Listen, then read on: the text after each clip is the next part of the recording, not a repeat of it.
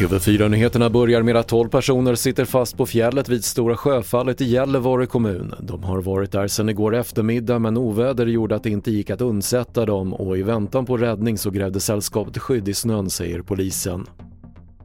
Över 50 människor uppges ha dödats i gårdagens attack mot en tågstation i östra Ukraina där tusentals människor befann sig i hopp om att kunna lämna området.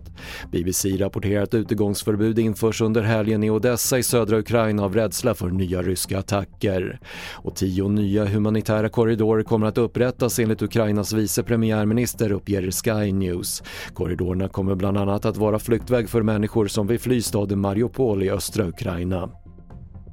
Norges försvarsminister Odd Roger Enoksen avgår efter att det kommit fram att han under tidigt 2000-tal hade en sexuell relation med en då 18-årig kvinna när han själv var i 50-årsåldern.